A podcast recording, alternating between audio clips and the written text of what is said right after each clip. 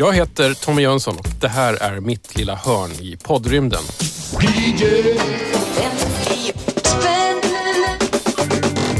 Här i DJ 50 spänn handlar allt om billiga och begagnade plattor av vinylplast. Sådana som du köper för typ en tia styck på loppisen eller i skivbörsens allra sunkigaste backar. I varje avsnitt så ger jag bort en 50-lapp till en annan skivgrävare som för de här pengarna ska gå och köpa fem loppiga plattor i fem olika kategorier. Och skivorna måste köpas på ett ställe vid ett tillfälle så att det blir lite sport av det. Jag har gjort den här podcasten ett tag nu och jag ger hela tiden bort 50-lappar. Anledningen till att jag inte är ruinerad än är att Akademikernas a-kassa sponsrar mig. Alltså inte att jag går på a-kassa just nu, utan att Akademikernas a-kassa är min samarbetspartner som pytsar in lite budget i den här produktionen. Så därför säger jag nu tack så mycket Akademikernas a-kassa. Men nu ska vi faktiskt inte prata om det. Vi ska spela skivor och vi ska snacka sönder dem. Och jag säger välkommen till dagens gäst, Daniel Bäck. Hej! Hej, Kawabanga! Du är en jävel på att gräva skivor, vet jag. Eh, och du gillar att hitta och spela liksom lite obskyrare grejer. Jag vet inte eh, riktigt eh, vad man ska säga, utan om folk eh, vill labla det som det så Ja. får jag väl gå med på det helt enkelt. För jag, jag tänkte på det nämligen att jag brukar ändå vara ganska duktig på att spotta att ja, det här är det här och det här är det här. Och så hörde jag någon mix som du hade lagt upp på Soundcloud och jag kunde liksom nästan inte, inte identifiera någonting. Nej. Men det jag undrar är, hur blev du sån? Ja du, vad ska man säga? Jag växte ju upp eh, med en pappa som var väldigt musikintresserad. Aha. Och framförallt då eh, ganska knasig musik, eller vad man ska säga. Om man jämför med Standardpappan. standardpappan kanske. Det var inte så mycket så Bob Dylan och sånt, utan det var lite mer så här Frank Zappa, Gentle Giant, Weather Report och sånt Mm. som man fick höra redan från barnsben. Så det har ju väl alltid funnits lite det här, det här liksom eklektiska, flummiga, eh, väldigt virtuos musik sådär Ja. i barndomen. Så kom tonåren och hiphop var en sån där, liksom, hiphopens guldålder nästan inföll ju liksom när jag gick i mellanstadiet, högstadiet, så här Mm. mitten på 90-talet. Det var ju väldigt spännande och väldigt edgy och så då blev det liksom från där från början in på det. Det var väl att jag också blev intresserad lite för produktionerna bakom och liksom började söka musiken, originalmusiken där och så. Men sen så kom jag väl liksom underfund med att jag var varken en bra rappare eh, och jag var väl en ganska, eh, ja, jag vet inte om jag ska säga medioker producent, men eh, det var ändå inte mitt kall sådär. Musiken, kombination med barndomsmusiken och tonåren Mm. tillsammans fick mig liksom att på något sätt, jag vet inte, det var obskyrt i båda ändarna men var Jag kanske var lite olika ändar. Ja. Och i mitten på 2000-talet så liksom gick det ihop på något sätt Ja. under när man fick börja spela lite mer skivor och sådär. Vad skulle du säga är dina hemmagenrer? Mina hemmagenrer grundar sig nog rätt hårt i liksom eh, proggrocken då som jag fick från pappa och sen även Cosmics kan man liksom ha som ett paraply Ja, ja. över det hela. Där liksom det mesta kan innefattas som har rätt mycket syntar i sig och det är en lite sån här luddig genrebeteckning samma som Ja. Balearic är en annan Ja. luddig genre. ja, men precis. Det är liksom mer än en genre. Det är, det är en känsla brukar jag försöka säga. Ungefär så, precis. Jag gillar liksom stämning. Det ska vara väldigt filmiskt, tycker jag. Ah. Ofta. Mm. Eller det är nog det jag tänker att jag liksom faller för med mycket musik. Att Mm. det ska vara liksom filmiskt på olika sätt. Vi, vi kallar det kosmiskt helt enkelt. Ja, Du kallar dig för The Almighty Keeper, eller bara kort och gott Keeper. ja precis. Vad menar du med det liksom DJ-aliaset? På mitten av 2000-talet då, kan man säga, när efter den här perioden när jag hade liksom kommit ur hiphopen och liksom på något sätt kom tillbaka till min barndomsmusik lite igen och det var ju liksom lite så här starten också på blogg boomen. Jag minns musikbloggarna som la ut mp3-or med värme. Precis. Det var en här- härlig här tid. Love Fingers och liksom alla de här. Men då så skulle jag självklart också då ha en blogg eller börja med en. Den hette The Keep, vilket är liksom efter en gammal film med ett soundtrack utav Tangerine Dream. Men sen då liksom i samma veva när jag hade den här bloggen och så där så började jag få lite eh, förfrågningar om att börja DJa och liksom och sådär. Tänkte man, men jag kan, inte DJa under namnet The Keep för att det är lite fel form utav, Mm. eh, på ordet. Så det fick bli The Keeper. Hur tycker du att ett bra DJ-namn ska vara? Jag gillar ju själv DJ-namn som är lite så här, vad ska man säga, har lite Göteborgshumor i sig och sådär. Roligt att du säger det, för jag tänkte på det här idag och då kom jag på att men jag gillar ju vitsiga DJ-namn. Och de får gärna låta lite svenska Mm. Ja, också samtidigt. precis. Ta så här, Bruce Linus. Ja. Det är ju perfekt på det sättet. Det är vitsigt, Precis, lite jönsigt. Man hör ju att det är en försvenskning också. Det är kul. så är. Joxaren tycker jag är kul också. Joxaren, ja, genialt. DJ Berns kort kommer jag ihåg från så här, länge sedan också. Ja. Jag var, hade någonting också, men tummen upp. Om du som lyssnar nu blir sugen på att dyka ner i Daniel Becks eller, alltså The Keepers härliga musikvärld så finns det en hel del ute på internet att lyssna på. Jag kommer länka från DJ 50 Spänns sida så att eh, då har ni en fortsättning till det här avsnittet. Jag kommer fråga dig en ziljard andra grejer men jag känner att vi kanske borde liksom så här sätta igång musiken. Vad säger du om att vi brassar igång med dagens första skivkategori? Ja, det låter underbart. Skivbörsklassikern.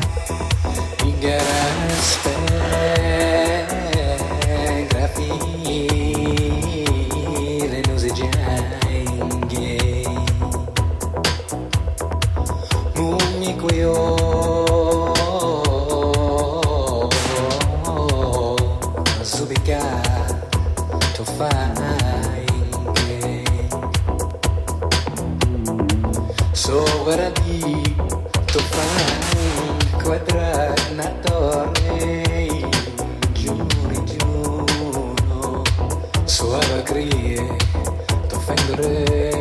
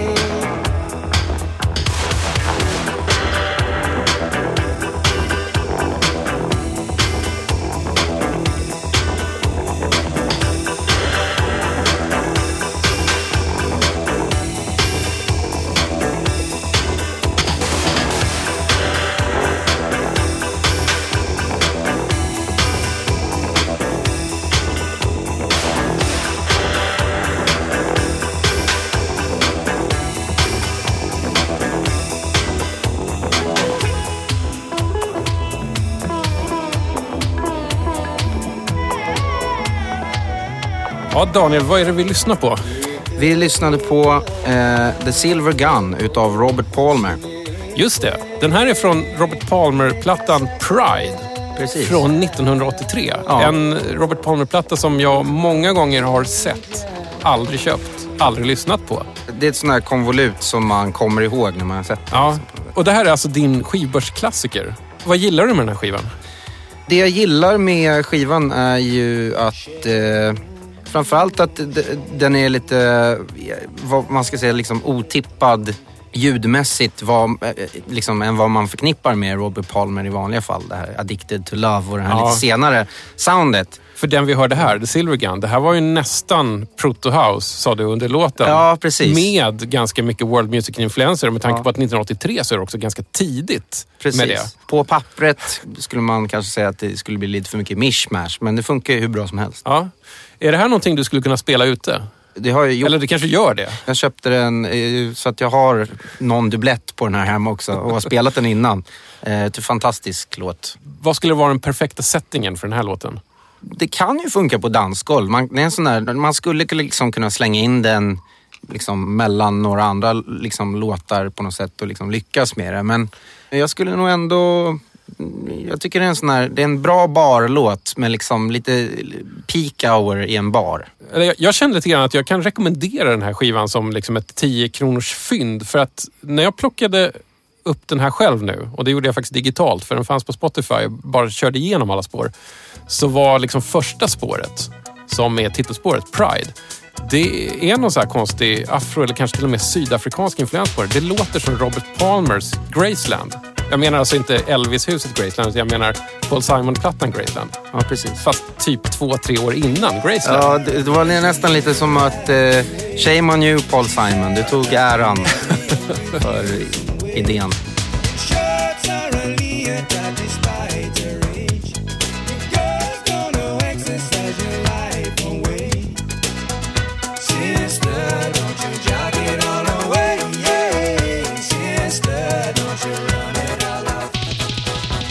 Du och Robert Palmer, hur ser er relation ut? Så det jag har hört gillar jag sådär, men det är inte så att jag samlar på varje skiva. Och så. Jag har ingen egentlig relation med Robert Nej. Palmer. Man har hört de flesta hitsen och sådär Ja. innan. Jag har en kompis däremot, han är ett stort Robert Palmer-fan, så jag, jag får liksom inte sitta och dissa Robert Palmer här i- Nej, i podden. Då kan det gå illa för dig sen. Ja, det, det är inte så poppis. Jag har egentligen aldrig djupdykt i honom. Jag har några skivor, men eh, det slår mig nu att han är lite roligare än vad man tror faktiskt. Ja. Och, och särskilt de här grejerna som han gjorde 70 och tidigt 80-tal Precis. kan ta vägen lite var som helst. Jag skulle säga att han är mannen som gör vad som faller honom in. Ja, Han spelar percussion på Talking Heads Remain in Light-platta. Hans första soloalbum, då är det The Meters som är hans så här, band. precis. Sen har han gjort någon slags konstig karibisk rock, Double Fun-plattan som man då och då hittar i alla fall på loppisar. Inte alls tokig faktiskt. Och sen tycker jag att det är jätteroligt att han hade en kort period runt 1980 när han hängde jättemycket med Gary Newman, alltså syntguden Gary Newman. Och till och med klämde iväg en cover på den här plattan, Clues. Det Vilket, han. vilket man tycker känns rätt otippat, men om man lyssnar på det här så... Ja, nej, men det, vet, det är eh, logiskt på något ja, sätt. Gary kanske hade en fot eh, i inspirationen till det här också. Jag har aldrig riktigt läst någonting om vad de pysslade med tillsammans. Jag har bara sett någon så Robert Palmer-intervju där han nämner lite kort att ja, men vi hänger lite på Bahamas ibland. skulle man ju vilja vara med och lyssna på. Fluga på väggen. Du Daniel, jag ser att du har en ganska kul chansning där. Du kanske har mycket bakgrundsinfo på det här, men jag fattar ingenting när jag ser den här skivan. Det var nästan det som fick mig lite att falla för den, för att jag blev väldigt intresserad av bara genom att titta på omslaget. Ja, det är så här skön så här 80-tals v- datagrafik här. Det, är, det, det, det känner jag är så här, det lovar gott. Precis. Chansningen.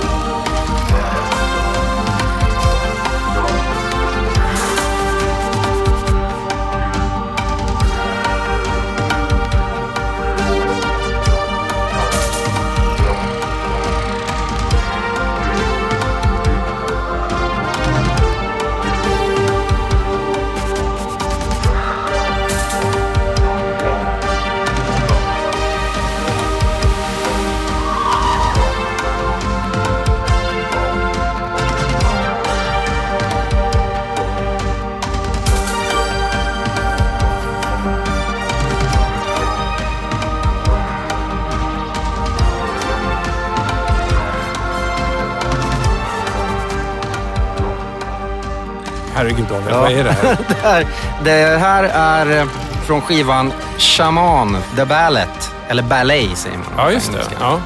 Eh, en, ett soundtrack till en ballett som uh, ballettföreställning som sattes upp i Stockholm eh, 1987.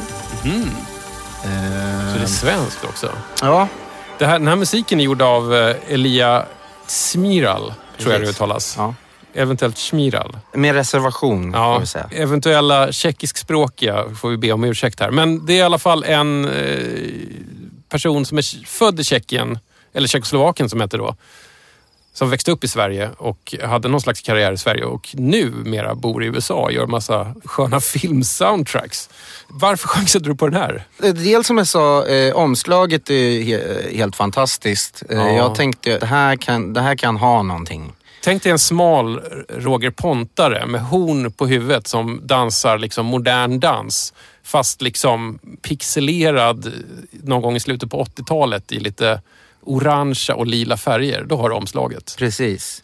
Jag tänkte väl att det, det här måste vara någon form av eh, ambient, new age, någonting. Det måste finnas något flum på den här Mm. plattan helt enkelt. Vilket det gjorde. Det var nöjd med chansningen i alla fall. Jag tycker att det här är en rolig genre för att nu är vi i någon slags här gränsland mellan, så här, vad kallas det, så här, kontemporär musik, alltså Ja, så här, modern precis. Mm. klassisk musik, elektro, akustiskt och liksom det här flummiga new age-grejen. Alltså det, det är som en gråzon av musik som flyter omkring och skvalpar mellan det här. Precis. Jag vet tyvärr ganska lite om vilka namn man ska leta efter. Men den här skulle jag ju lätt nappa på om jag hittade den också. Ja. Eh, Har du några favoriter i den här märkliga liksom, gråzonen? Det finns ju lite olika liksom, bolag bland annat numera Mm. eh, som eh, vad heter det? återutger Ja, eller det. reissuar eh, mycket sån här gammal eh, 80-tals new age slash Electronica, elektronika. slash... Ja. Eh, bland annat ett holländskt bolag som heter Music from Memory. Mhm. Som är lite specialiserat på att hitta obskyra sådana här plattor och Ja. ändå kör legala, schyssta återutgivningar och, sådär. Ja. och ger artisterna pengar eh, eller royalties och sådär. Och de har otroligt bra smak. Så jag skulle vilja tipsa bland annat om dem. Det låter ju perfekt. Jag hittar det ibland på loppisar. För inte allt för länge sedan så hittade jag liksom en hel packe svensk elektroakustisk musik och köpte ju liksom hela grejen. Hälften kanske jag fick ångest av att lyssna på, men den andra hälften var inte så tokig. Då var det sån här, heter han Lars-Gunnar Bodin och den typen av... Just. Det är ofta väldigt kall musik, Precis. men ganska cool också. Jag hittade någon som heter Clouds som verkar vara någon så här Isaac Asimov eller Arthur C. Clarke-tema på som var sådär man vill gärna släcka ner i vardagsrummet när man lyssnar på den där för att det är sån jävla stämning i den. Björn Jison Lind, har inte han, till exempel, har inte han gjort nå- någon, am- någon form av ambient grejer? Så Jo, men det skulle jag nog säga. Alltså, han och Staffan Scheja gjorde ju några grejer. Europa heter de. Det finns Europa det. del 1 och del 2. De är faktiskt rätt så fina. Då är det ju någon slags modern klassisk musik. Kanske inte riktigt så här flummigt, men Nej. ändå den har den Ja. edgen. Liksom. Ibland tänker jag dock med sån här musik, är så här, vad ska man ha den till? Det är ju kanske inte varje gång man spelar ute som man spelar det. Eh, Men om jag gillar musik så samlar eller sparar jag självklart på den. Och, men det är en sån här grej som jag skulle kunna tänka mig att ha med i någon DJ-mix eller, nå- eller något liknande liksom, för att få lite mer ambians. Jag brukar gilla själv liksom, när jag gör mixar att de ska vara lite filmiska eller ha en dramaturgi kring sig. Så att lite lugnare i början och li- kanske lite snabbare i mitten och lite lugnare på slutet igen. Sådär. Det här spåret som vi hörde nu är väl kanske ett utav de mera eh, mer upptempo-spåren. Ja. Så det finns en del annan, andra liksom lite mer ambienta spår på den här som kan, är lite mer verktyg för sånt. Elia Smiral, eller Smiral, jag har ingen aning. Eh, Det, är en, det här är en ny bekantskap för mig. Vet du någonting mer om den här personen? Ja, jag kollade ju upp lite här, eh, hans eh, resterande diskografi då, då Mm. eh, sou- liksom gällande soundtracks och Ja. sådär. Han hade ju tydligen gjort soundtracket till en utav världens mest bespottade filmer.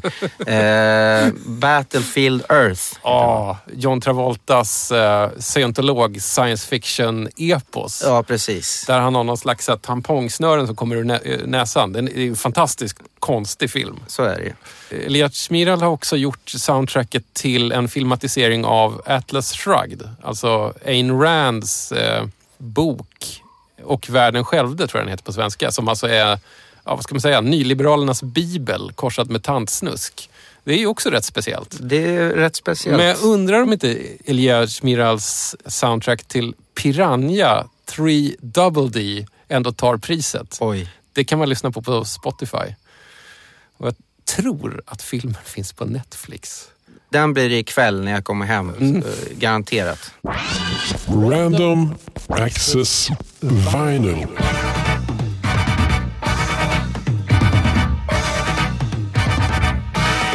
Och Daniel, här har vi en skiva som i mina ögon lovar en väldigt mycket. Det är en vit hingst som stegrar sig. Ja, på en svart bakgrund och sen bara namnet Stallion.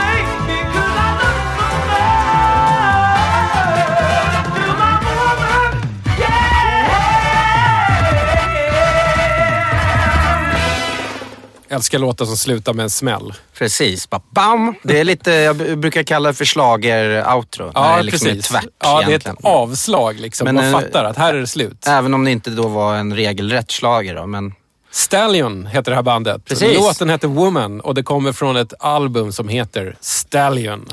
eller self-titled som man brukar skriva exakt. ut ibland. Precis. Inte ett enda namn på baksidan som jag känner igen. Nej, Jag hade ju kanske förväntat mig antingen någonting så här jäkligt cool bortglömd disco alla Black Devil Disco Club eller lite hårdare rock när jag såg omslaget. precis. Vad ska man säga att det här påminner om egentligen? Det är lite mera funky rock kan man Ja. väl säga.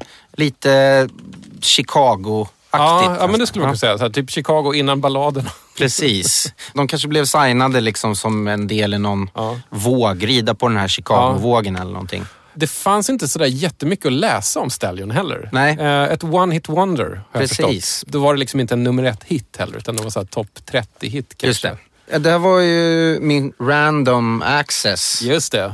Jag blev ju först, första intrycket var ju att så här, uff vad skönt att Mm. eh, liksom inte få någon eh, klassisk Ja, musikskiva precis. eller något liksom dåligt dansband eller något sånt där. Ja. Det verkar som att du ändå har, du har kört igenom hela den här skivan och lyssnat lite på den. Mm. Hur noga är du när du liksom så skippar igenom en platta? Ibland så har jag faktiskt med mig när jag är ute och- gräver så har jag med mig en liten portabel. Ah, du är en sån. Eh, precis. Då blir det ju ofta väldigt, eh, liksom att man skippar igenom ganska Ja. snabbt. Men om man märker att det är någon skiva där det i alla fall är en låt som man eh, tycker om. När jag är hemma så brukar jag lyssna igenom hela plattan. Okej. eh, Från liksom början till slut. Det hedrar dig. Det innebär ju att du har någon form av tålamod i alla fall. Ja men så, så är det ju liksom. Ibland så, jag menar det finns även partier i låtar som kan- som kan vara fina. Absolut. Eh, det finns ju vissa låtar som börjar liksom åt ett håll och så kan det vara liksom, då kan de byta mitt i och sådär. Mm. Ja, det är min metod eller vad man skulle Ja. säga kring det. Vad är det för typ när du står och gräver i backarna? Jag är nog, eh, om, jag skulle få säga det själv, ganska lugn och tålmodig utav mig. Jag går gärna igenom allting och har några timmar liksom till övers. Men jag är ingen sån där, om det är mycket folk så är jag nog inte en sån där hetsig person liksom som sträcker sig över axeln på någon annan och sådär. Jag jag blir ju själv väldigt, väldigt stressad om jag ser någon annan vid backarna som kanske ser ut som du och jag. Alltså har ett litet skägg. Ja, Eh, precis. se- ser ut att ha det här liksom lite besatta intresset av att hitta någonting. För då tänker jag så att nu står han och gräver i den där backen. Och kommer han hitta det där som jag trodde att jag skulle få hitta. Jag har ändå liksom den inställningen att jag tror att eh, man hittar alltid någonting. Och eh, Mm. liksom, När senaste gången som du blev riktigt, riktigt glad för en skiva som du hittade? oh. Jag var i London med min pappa nyligen. Vi åkte på en sån här bro-trip, höll jag på att säga. Ja. Men kollade lite fotboll och, och, och sådär. Drack lite öl och käkade mat. Eh, men då hann jag även med att hoppa in i några skivaffärer. Ja, skönt. Och då hittade jag en eh, privatpressad grej Ja. som var totalt anonym nästan. Det var liksom, det såg ut som en så white label, så nästan totalt vitt. Det var bara liksom ett ord på framsidan. Eh, Subway. Så det var en, en ganska sen grej från så här 88, 89. Funky new age ambient. Det, Oj. här, det, det känns inte som att det borde gå ihop men eller kanske snarare ambient funk. Jag Ja. vad man säga. Ja. Jag är mycket för så roliga undergenrer. Eller liksom själva komma på roliga undergenrer. Mm. Så eh, den blev jag väldigt eh, glad för. I alla fall i efterhand. För jag Mm. köpte den på måfå eh, och tänkte, ja typ jag vet inte vad det kostar, eh, typ eh, en, en pund eller något sånt där. Ja. Jag samlar ju lite på, så här, man köper gärna singlar och maxis där det finns instrumentala versioner bara för att jag, jag producerar en del radio och tv och ganska ofta så behöver man så här jävligt anonym bakgrundsmusik Ja. som ingen riktigt vet vad det är och då är det perfekt med en sån här en poplåt som floppade för 25 år sedan. Jag samlar ganska mycket på library-skivor. Det Ja, men jag anade det för jag hörde grejer så tänkte jag så att det här måste ju vara så här gammal produktionsmusik. Ja, liksom. precis, precis. Det är ju en djungel. Det finns ju hur Ja. många olika bolag som helst och, Ja. Och sådär. Om man är insatt eh, och liksom kan alla de här studiomusikerna och vilken de har jobbat med etc. Ja. etc. Men där kan det vara mycket att man, man kan nätgräva. För där finns det väldigt många billiga också. Okej, Som är ja. listade online då. Men Mm. eh, som inte finns ute med ljudklipp och sådär. Man kan köpa liksom tio styckna olika och eh, för Mm. ganska billiga pengar. Och så får man liksom se på vinst och förlust. Ja, men visst finns det jävligt dyr library music också? Det finns det ju också, för att, eh, självklart. För att, eh, jag tror inte de pressades i några särskilt Nej, stora det. upplagor. Nej. Utan de, de pressades väl liksom i kanske några, några hundra stycken och Ja, liksom, eh, skickades ut till eh, produktionsbolag och sånt där. Jag vet inte riktigt. Väldigt mycket av de italienska grejerna är väldigt dyra, har Ja, märkt. okej. Bara som en fotnot. Sådär. Ja. A word from our sponsor. Okej, nu bryter jag av lite här i skivmyset. Jag tänkte prata allvar en liten stund. Du som lyssnar kanske vet att DJ 50 spänn görs i samarbete med Akademikernas a-kassa. Jag är glad att ha en a-kassa som sponsor för a-kassa är en bra grej att ha för alla som jobbar. Medlemskap i en a-kassa fungerar som en försäkring av din inkomst. Och det är ju bra att ha om du skulle stå där utan jobb en dag. För man kan bli av med jobbet. Det kan hända även den bästa. Det finns flera a-kassor där ute, men om du är akademiker så tycker jag att du ska kolla upp Akademikernas a-kassa. Den finns till för dig som har pluggat ihop mer än 180 högskolepoäng eller alternativt 120 poäng om du studerade i det gamla högskolesystemet. Akademikernas a-kassa har över 700 000 medlemmar och eftersom det är så många medlemmar så blir avgiften låg. 100 kronor i månaden kostar det att vara med och det är faktiskt ett ganska lågt pris för en bra trygghet. Om det här låter det minsta vettigt i dina öron så surfa iväg till aea.se. Det är akademikernas a-kassas sajt. Där finns det information om hur du blir medlem. Och Det finns också information om hur du byter a-kassa om du skulle vilja göra det. Du kan få svar på alla dina frågor om medlemskap och hur det funkar. Och så finns det också information om hur du kan förstärka din ekonomiska trygghet med hjälp av en inkomstförsäkring. Med mera, med mera. Och om du blev inspirerad till att bli medlem i Akademikernas a-kassa tack vare den här podden, berätta gärna det när du ansöker om medlemskap eller på sociala medier. Sådär ja, det var dagens samhällsnyttiga sponsormeddelande.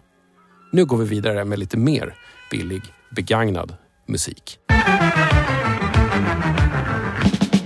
Vet du, vi har kommit fram till eh, kategori nummer fyra för idag.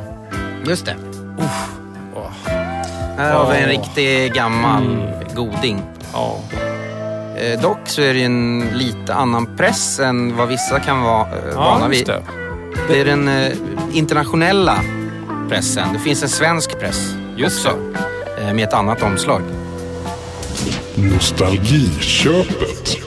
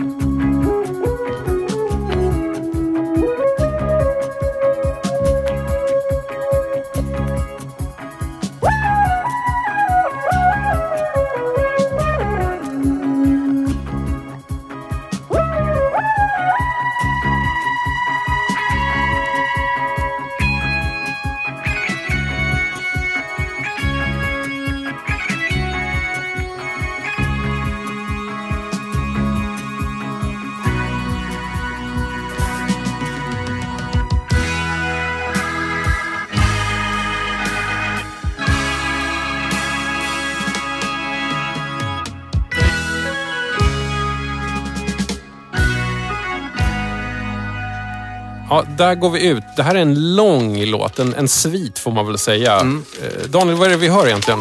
Det här var eh, våran egen, eh, Sveriges egen stolthet, Bo Hansson, Bosse Hansson. Ja. Och du hade då alltså den internationella upplagan av El Araira. Precis. Alltså även känd som Kaninplattan. Precis. Eh, Music Inspired by Watership Down heter den i den här engelska upplagan och då är det faktiskt inga kaniner på omslaget. Nej, det är en jägare istället. Man förstår ju hotet här och en räv på En räv baksidan. på baksidan. Det är ditt nostalgiköp också. Ja, När och var hamnade du i det här kaninhålet? det var liksom redan från tidig ålder. Eh, då jag tror pappa hade eh, några utav de här skivorna och eh, liksom, de är väldigt fina omslag och sådär. Så även när man är liten och liksom går igenom skivorna och tittar på dem och liksom blir intresserad av att lyssna på dem och kommer underfund med att det är väldigt vacker och stämningsfull musik. Liksom. Mm. Bo Hansson är speciell på det där sättet för det är någonting också otroligt slingrigt med hans melodier och hans slingor och hans liksom riff som är... Jag tycker att de nästan ibland känns liksom lite så här östasiatiska eller Ja. kinesiska på något sätt. Precis, men han är väl inte egentligen klassiskt skolad eh, pianist eller sådär tror jag. Nej, vad jag har fattat så är han ju totalt självlärd. Ja, exakt. Eh, Jag vet att i någon intervju så har han, eller eventuellt hans gamla partner Loffe Karlsson berättat att han bara eh, köpte en orgel på avbetalning och lärde sig spela själv. Precis. Och märkte väl att han kanske var ganska duktig på den här koordinationen mellan händer och eh, då fotpedalerna. Ja, ba- baspedalerna. Precis. Men vad, vad tänker du idag när du hör liksom Bo Hanssons musik? Som det här till exempel. Det, det är både nostalgiskt och liksom lite framåtblickande kan jag tycka. Det har båda element. Sådär. Ja.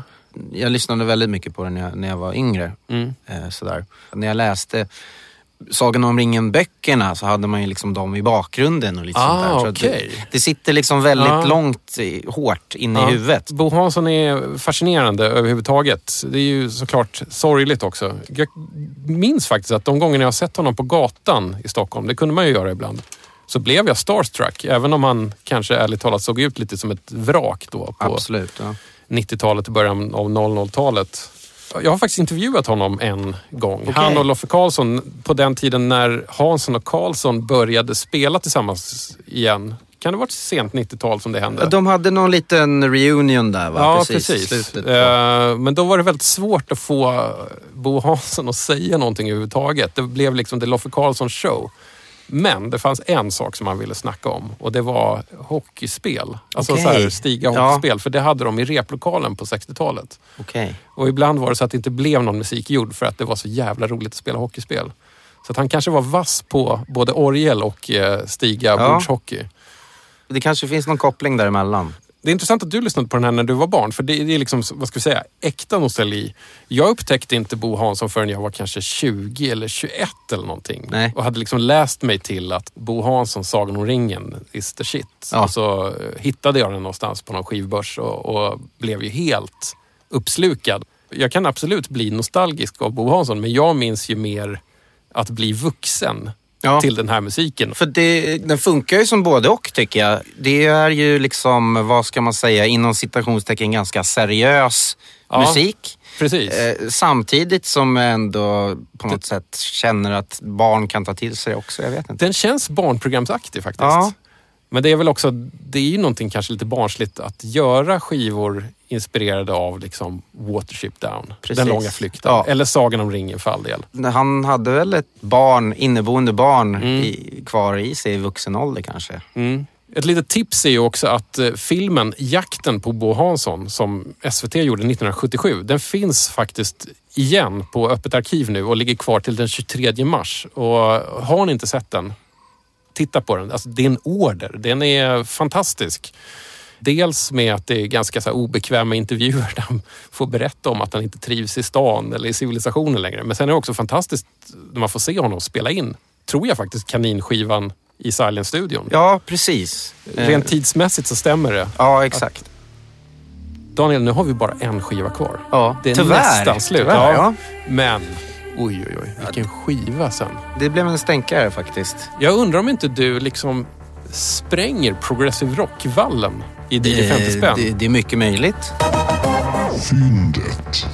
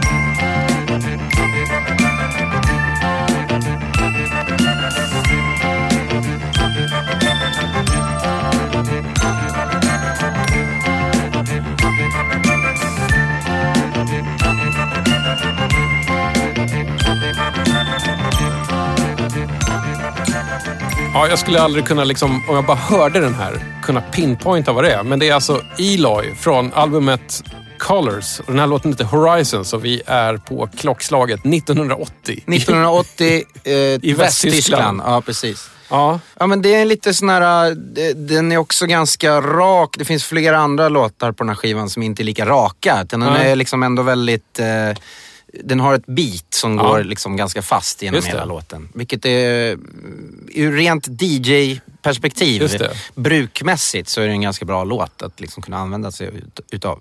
det här är ditt fynd. Ja. Eh, Daniel, vad är det som gör den här skivan till ett fynd? Ja, dels att den, den är inte så vanlig att se ute i skivbackarna i Sverige. Och sen så är den väl, den är väl värderad till någon hundralapp kanske på Discogs i bra skick. Ja, ja. Och jag hittade den för 10 kronor. Så då eh, det kändes som att det var ett bra, väldigt bra fynd. Liksom. Jag har faktiskt aldrig lyssnat på det här albumet. Jag, jag har liksom varit i, vad ska vi säga, gränstrakterna till Eloy väldigt, väldigt länge. Men aldrig riktigt trillat dit på dem. Nej. Det är väl kanske för att jag mest kanske har lyssnat på de lite tidigare grejer som kanske är lite mer tydligt liksom progressive rock på något sätt. Här känns det som att de är inne på en annan form av progressive rock. Post progressive rock eller någonting. Ja, de kan buntas ihop ganska lätt kan jag tänka mig med liksom progressive rock eller krautrock. Absolut. Eh, samtidigt som det kanske är lite, lite lättare, lite poppigare på vissa låtar. Mm. Hur, hur kommer det sig att du började kolla efter liksom Eloy-plattor? Jag har alltid gillat liksom tysk musik från den perioden. Och liksom det här är utgett bland annat på eh, Hansa, är det va? Nej? Harvest tror jag. Harvest, precis. Vilket är liksom en sån där label som har många olika liksom, såna Mycket flummiga band. liksom. Ja, precis. Och liksom en annan bra sån här label, det är Sky Records och Mm. liksom såna där. Eh, Så att jag vet inte, jag hamnade väl bara inne där av någon slump någon gång Ja. och gillade det. Vad brukar du gå efter när du letar efter bra grejer i den här genren? Eh, dels så är det väl liksom det där gamla vanliga som vi pratade om innan med att man tittar lite vad det är för musiker eller producent. Ja, ja. Du, du Eh, kan lite namn som Ja, är bra det, finns, att veta. det finns lite namn som man liksom eh, kan eh, kolla efter och bara bock, den här är Mm. säkert jättebra och sådär. Eh, och sen så är det väl, ja, Tyskland vid den här tidpunkten. Sällan Mm. Det liksom finns dåliga saker. Det skulle vara liksom dålig schlager. som- Ja, precis. Om man är riktigt germanofilt lagd, då får man ju liksom, när man är, har slut på det här liksom tyska coola, då får man liksom gå in i Heino-landet. Ja, ja, precis. Det finns säkert B-sidor på sådana som liksom kan, kan gå. Det där tycker jag är en bra utmaning. Ja. Den som hittar en, en riktigt bra Heino-låt som till exempel du skulle kunna spela ute borde ju få ett pris. De kan mejla dig. De Ja, kan mejla in till. DJ Ja. 50 spänn och tipsa om det helt enkelt. Hej snabel DJ 50 spann är eh, adressen om ni är sugna på att plocka upp den här handsken. Eh, Jag blev glad av att höra den här. Eh, fantastiska omslag också. Alltså det, det vi snackar liksom så här high progressive rock eh, cover art här. Det är, är alltså en naken elva som har röven vänd mot oss. Exakt. Och vingarna utbredda.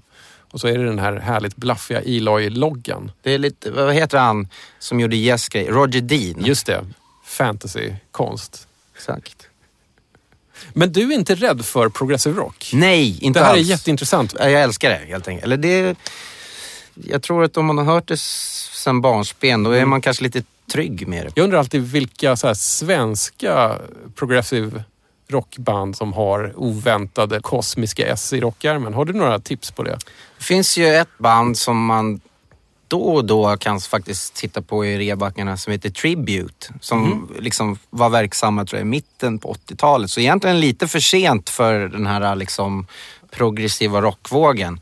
Ibland är det väldigt proggrockigt, proggrockigt och ibland så kan det liksom hoppa över i lite mer funky partier och Mm. det är mycket syntar och kan vara väldigt episka sviter och sånt där. Liksom. De har liksom i alla fall två eller tre plattor som är helt Mhm. okej. Daniel, vi är liksom nästan i mål. Mm. Vilket är det bästa skivfynd för en billig peng någonsin? Det var utomlands faktiskt, eh, eh, i Italien, i Florens. Var runt och kollade på lite olika skivmarknader och sånt där. Och där hittade jag flera stycken eh, singlar i alla fall, på lite olika diverse ställen. Ganska billigt. Det var nog inte 10 kronors eh, style, det kanske var mer uppåt 50. Sådär. Mm. Några av de grejerna var sånt som man bara la på hög och sen kollade av flera år senare så hade de liksom gått upp i, alltså, hur mycket som helst. Mm. Vissa hade gått upp och vissa visste jag liksom inte att de var värda väldigt mycket pengar. Det var, var, liksom lite så privatpressar och lite sådana där Ja. roliga grejer. Det är kul med privatpressar när man hittar det. Det är vinst och förlust i liksom kvadrat. Mm.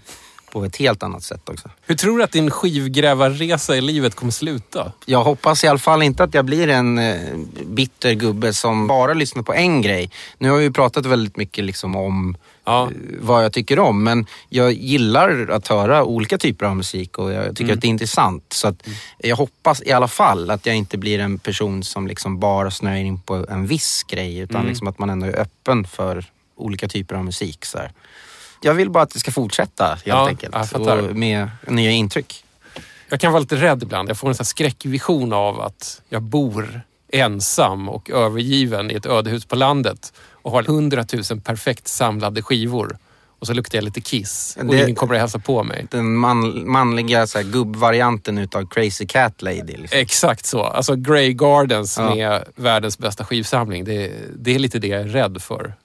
Jag hoppas att jag har vänner som säger till så här, och gör en intervention den dagen det har gått för långt. Enough is enough. Precis. Vad händer härnäst i uh, ditt DJ-liv? Jag har ju ett eh, musikkollektiv som jag är medlem i. Vi kallar oss för Nemas Problemas. Just det, bra namn. Myntat utav eh, min kollega eh, Daniel Savio som har medverkat i det här Just det. programmet innan. Och vi kommer ut snart med en ny 12-tummare med lite så edits. Mm. Vad har ni editerat? Det är lite olika, vi är fyra stycken så att eh, det blir lite övergripande så är det väl lite samma känsla. Men eh, i och med att man är fyra olika personer så får liksom varje edit sin egen twist. Men det är väl lite mer åt det här kosmiska hållet tror jag. Det släpps på vinyl, eh, 12-tummare, på ett engelskt bolag som heter Passport to Paradise. Låter grymt. Ja. Daniel Bäck, det var en ära att ha med dig i DJ 50 spänn. Ja. Nu tänker jag säga hej då. Och det gör vi som vanligt med lite eh, tyskt umpa-sväng. Välj ett årtal. 72, 73, 67 eller 78. Jag skulle nog gå på 78. Det känns som att det, liksom, det är mina trygga trakter där omkring. Då ska vi se här. Jag har faktiskt inte lyssnat så mycket på den här så jag får nog ta ett säkert kort här bland låttitlarna. Spännande. Jag har inga garantier för att det här är bra på något sätt men eh, man måste chansa här i livet. Så är det. Han är i discoeran helt Ja. enkelt. Det är så här liksom, TV-show. ja, big band, disco. Man ser ju nästan liksom hur dansarna kommer ut här.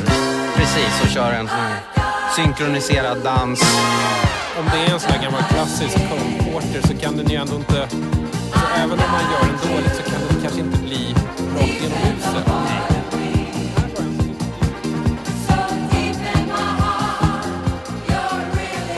Du har lyssnat på avsnitt nummer 79 av DJ 50 spänn. Daniel Bäck var gäst. Jag heter Tom Jönsson och den här podden görs i samarbete med Akademikernas A-kassa och den produceras av mig på Rundfunk Media i Stockholm. Om du gillar vad du hör så får du hemskt gärna skriva en liten recension av den här podden på iTunes Store. Det gör att den liksom blir mer synlig och fler kommer hitta till den. Och om du vill höra av dig så blir jag också väldigt glad. Mailadressen är hej dj50spann.se. På Twitter och Instagram heter jag snabela DJ50spann, alltså at DJ50spann. Och så finns det en Facebook-sida som man kan lajka och där slänger jag ibland ut Spotify-spellistor med musik som jag alltså hittar på loppisplattor. Ja, ni hör ju, världens omväg. En grej till. Det finns fortfarande DJ 50 spänn tygkassar i lager. Om du är sugen på att köpa en så gå in på min sajt och läs hur du gör. dj50spann.se. Det är inte svårare än så. Det var allt. Tack för att ni lyssnar. Vi hörs snart igen.